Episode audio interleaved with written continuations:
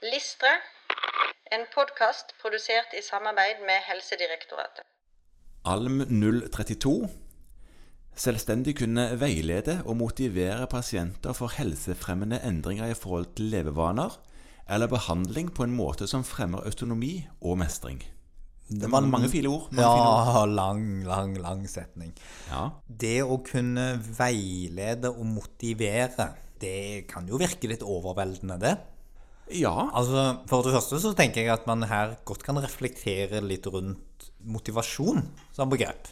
Det kan være nødvendig. Ja, altså hvordan motivere andre. Som vi kanskje snakket med et reklamebyrå om det. For det Ja, at, eh, men og, f- og før det. Altså, det starter jo hvi- Hvis man ikke er motivert, så får man ikke til noen ting. Nei, snakker du nå som pasient eller som, Mhm. som lege, Morten? Mm, ja, begge deler. begge deler. Ja. Fordi at det å kunne veilede i levevaneendringer, det tenker jeg er en sånn ferdighet som man må øve på til en viss grad konkret, og mulig på en måte å kvantifisere at man på en måte har verktøy til å veilede i levevaneendringer. Ja. Eh, Da må man vite litt om hva som er lurt, man må ha et faggrunnlag, og så må man kjenne noen metoder for det. Og du, du snakket om reklamebyråer og sånne ting. De vil jo alltid si at det som motiverer, det som føles verdifullt, det Ja. som gir, eh, skaper, vekker emosjoner. Ja.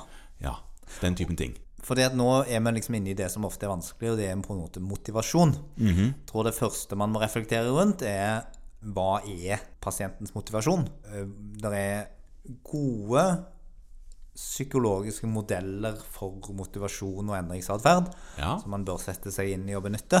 Noen tar jo kurs i motiverende intervju. Eh, Det er et veldig nyttig virkemiddel i denne sammenhengen. Ja, og Noen kaller seg coacher og tar coachingkurs. Ja, Og Det handler jo om å hjelpe pasientene der de vil, men det fordrer jo igjen at de er motivert for å komme seg et sted. Ja, og det som vi kanskje har, er at vi har ikke bare en mulighet til, men også et slags mandat til å av og til prøve å generere motivasjon hos pasienten på bakgrunn av en eller annen medisinsk problemstilling eh, som vi blir klar over.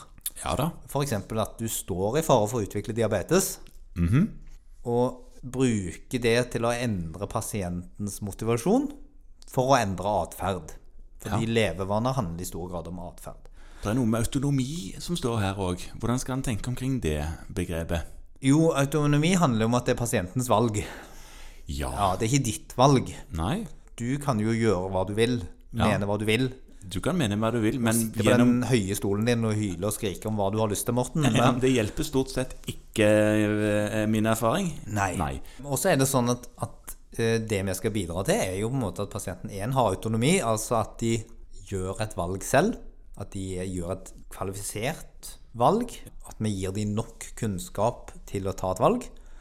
Og så skal vi bidra til mestring. Altså at pasienten lykkes. Og det fremmer jo nye, kloke valg. Absolutt. Eh, Dette vil bli tatt opp i, i grunnkurs C, som da heter allmennlegen og helsefremmende arbeid. Det faller jo naturlig inn under der. Ja da. Så, sånn sett så vil det bli drøfta der. Og så er det som det med absolutt alle læringsmålene, at det er jo noe man møter på i praktisk hverdag. Absolutt.